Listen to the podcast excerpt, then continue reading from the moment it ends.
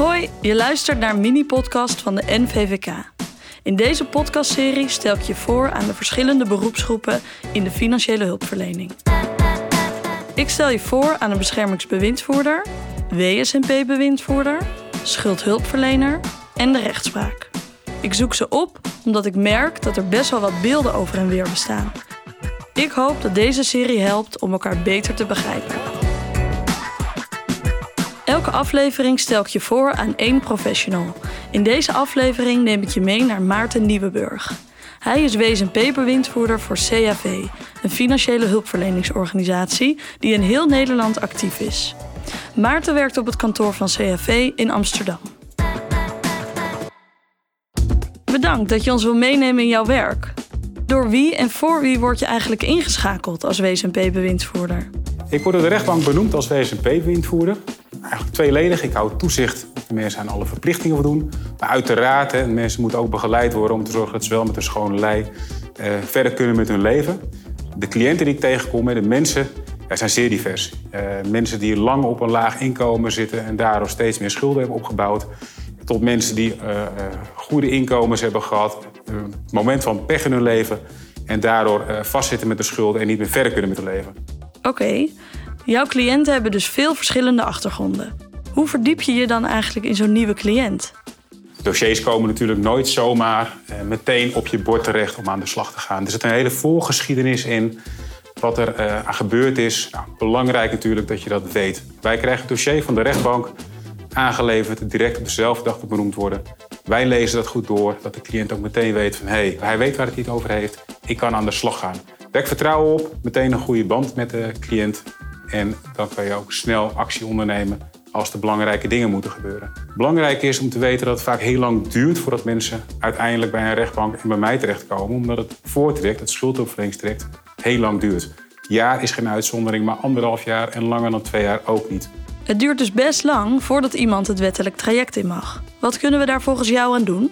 Ja, schuldhulpverleners kunnen natuurlijk altijd sneller werken. Geldt voor mij ook. Dat is te makkelijk. Ze moeten een tool krijgen, ze moeten een hulpmiddel hebben. Namelijk, ik zou het mooi vinden als ze gewoon een uh, deadline hebben. Dat zij niet hoeven te zeggen van nou, ik vind dat en dat en dat. Nee, maar dat zij kunnen zeggen, het is niet gelukt, jaar is verstreken. De cliënt moet gewoon door naar de volgende stap om een oplossing te krijgen. Dat zou misschien wel een goede oplossing zijn. En wat is dan verder belangrijk volgens jou? Dat je goed contact hebt met schuldhulpverleners. Ik spreek ze zelf regelmatig. Ik werk bij een groot kantoor, dus we hebben ook veel ketenpartners, waaronder schuldhulpverleners. Als kleine eenpitter is dat een stuk lastiger. Is wel belangrijk dat je dat doet, want dan begrijp je de ander en dan begrijp je ook waarom dingen gedaan zijn. Lees makkelijker een dossier, pak makkelijker de telefoon op. Allemaal in belang van je cliënt. Contact met de schuldhulpverlener is dus erg belangrijk. Maar hoe leg je contact met je cliënt in een WSNP-regeling? Een WSP-regeling begint echt bij het huisbezoek. Daar gaat het echt van start. Daar leert de cliënt jou kennen. Jij leert de cliënt kennen. Belangrijk is dat je natuurlijk heel veel wil vertellen. De cliënt moet ook heel veel dingen uitleggen. Essentieel is dat je ook goed doorvraagt. Begrijp de cliënt wat je zegt. Stel controlevragen. En wat valt je verder op tijdens zo'n huisbezoek?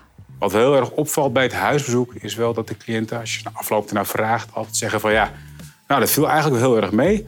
Uh, het is allemaal niet zo eng. U viel erg mee. Hè? Met name de persoon viel erg mee. Nou, dat is wel mijn boodschap naar het minderlijk traject, naar de schuldhulpverlening. Kijk goed naar jezelf. Maak je de cliënt niet te bang voor die WSP-regeling, wat eigenlijk een belemmering is voor het wel slagen van die regeling, voor het succesverhaal. Oké, dat lijkt me een duidelijke boodschap. En hoeveel mensen help je dan gemiddeld? En is dat een beetje te doen? Ik heb ongeveer 100 dossiers. Het wisselt wel eens een beetje, maar gemiddeld genomen heb je dan echt wel genoeg tijd om je werk goed te doen. Uh, en daarnaast ook nog wel tijd hebben voor de cliënt. Die heeft natuurlijk altijd vragen. Nou, die vragen moet je ook alert voor zijn, want je wil dat hè, de cliënt goed de eindstreep haalt en met een schone lijf verder kan. Belangrijk ook om signalen op te pikken. Dus welke betrokkenen zijn er nog?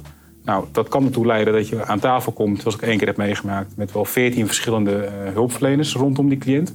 Nou, het is erg belangrijk dat je daar ook de tijd voor neemt. Uh, dat zorgt gewoon ervoor dat zo'n regeling slaagt. Het zijn natuurlijk de moeilijke gevallen. Hoe moeilijker, hoe meer hulpverleners. Belangrijk is ook dat als je uh, je dossier kent, dan weet je ook welke mensen eromheen betrokken zijn bij de cliënt. Denk aan familieleden, die helpen met de taal, die helpen met de financiën misschien. Maar uiteraard ook professionals, beschermingswindvoerders, misschien een schuldhulpverlener die nog steeds betrokken is bij het dossier, een gemeenteambtenaar die het dossier persoonlijk kent en betrokken is. allemaal middelen waarmee je samen de cliënt de eindstreep kan halen. Dus altijd erg belangrijk om er tijd voor te maken. Zo, dat zijn best wat mensen met wie je moet samenwerken. Hoe en waar kom je erachter of er ook andere hulpverleners moeten worden ingeschakeld, die dan niet direct van doen hebben met de WSNP-regeling? Als ik bij mensen thuis zit, ik zit aan tafel bijvoorbeeld een kopje koffie te drinken, eh, dan is het ook belangrijk om op te letten eh, op de zaken die niet direct van belang zijn voor die WSNP-regeling. Zijn er andere problemen? Kijk bijvoorbeeld om je heen. Uh, is het huis een beetje opgeruimd of is het een hele grote bende? Zijn signalen waarbij je alert moet zijn, want ja, ook die signalen kun je misschien naar vragen. Wat is er aan de hand? Zijn er problemen? Maar belangrijker ook, misschien is er wel hulpverlening die daar niet van weet en die je kan inschakelen. Ook op die manier kunnen mensen vaker ja, zo'n regeling succesvol doorlopen. Oké, helder. Er zullen ook vast cliënten zijn met niet alleen een WSNP-bewindsvoerder, maar ook met een beschermingsbewindsvoerder of budgetbeheerder. Hoe is je relatie met hen? Bij ongeveer de helft van de cliënten is sprake van eh, budgetbeheer of beschermingswind. Uh, het kan wel eens een keer gebeuren dat mensen die het wel nodig hebben, die dan toch geen begeleiding hebben in de vorm van of budgetbeheer of beschermingswind. Nou, dan zijn er een aantal mogelijkheden. De eerste is natuurlijk in gesprek gaan met de cliënt. Ziet hij zelf niet dat het beter is? Zou het niet anders zijn dat? Als dat niet werkt, dan kan je de druk opvoeren, eventueel zelfs via de rechtercommissaris, om toch die hulp, eh, noodzakelijke hulp te krijgen. Nou, belangrijk is natuurlijk dat je goed kan samenwerken met zo'n beschermingswindvoerder. Dat de cliënt er geen last van heeft dat er twee hulpverleners bij betrokken zijn. Nou, uh, wat ik altijd doe bij het huisbezoek is natuurlijk altijd zeggen van nou, uh, de beschermingswindvoerder, die kent u het langst. Die houdt de regie, die schakelt mij in waar nodig. Komt uiteraard nog steeds voor dat bijvoorbeeld voor een sollicitatieverplichting even contact nodig heb met de cliënt. Maar dat is het dan ook wel. Ik zou ook een oproep willen doen als collega's van mij meer doen. Dus die blijven mij die cliënt steeds zelfstandig uh, rechtstreeks benaderen. Ja, meld het dat ook aan. Het is makkelijker om zelf de regie te houden als beschermingswindvoerder of als budgetbeheerder in veel gevallen. Dan hou je de regie, dan weet je wat er aan de hand is. Nou, vraag daarom. Er heersen een hoop beelden over de WSNP-bewindvoerders. Je hoort wel eens dat veel mensen binnen het schuldendomein denken dat een WSNP-bewindvoerder alleen maar de belangen van de schuldeiser behartigt. Welk belang staat bij jou voorop? Voor mij is van belang dat de cliënt, daar draait het om, die staat op de voorgrond. Verder is het een belangenafweging tussen beide kanten. Ben je nou streng, niet streng? Die vraag wordt ook vaak gesteld. Volgens mij is dat maatwerk. Ik denk dat je streng moet zijn waar nodig, maar dat je ook flexibel moet zijn waar mensen al streng voor zichzelf zijn. Dat is meer dan genoeg. Dan moet je compliment geven af en toe. Nou Maarten, bedankt dat je een kijkje wilde geven in jouw werk als WSNP-bewindvoerder. Wat vond jij daarvan? Superleuk om hier aan mee te werken. Volgens mij is dit dé manier om de lijntjes kort te maken. Lijntjes die korter worden, waardoor er meer begrip is. Niet alleen voor de theorie van elkaars werk, dat weten we wel. Maar vooral voor de inhoud. Hoe doen we ons werk nou echt? Hoe benaderen we de cliënt? Daar is de cliënt mee geholpen.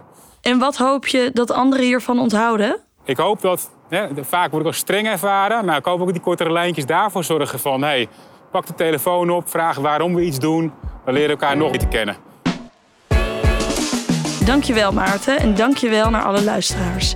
Ik heb een veel beter beeld gekregen wat een WSNP-bewindvoerder allemaal doet. Van deze podcast is trouwens ook een video beschikbaar. Check daarvoor de site van de NVVK. In de volgende aflevering neem ik je mee naar Patrick Verbaarschot. Hij is schuldhulpverlener in Nieuwegein en vertelt ons meer over zijn werk. Tot de volgende keer.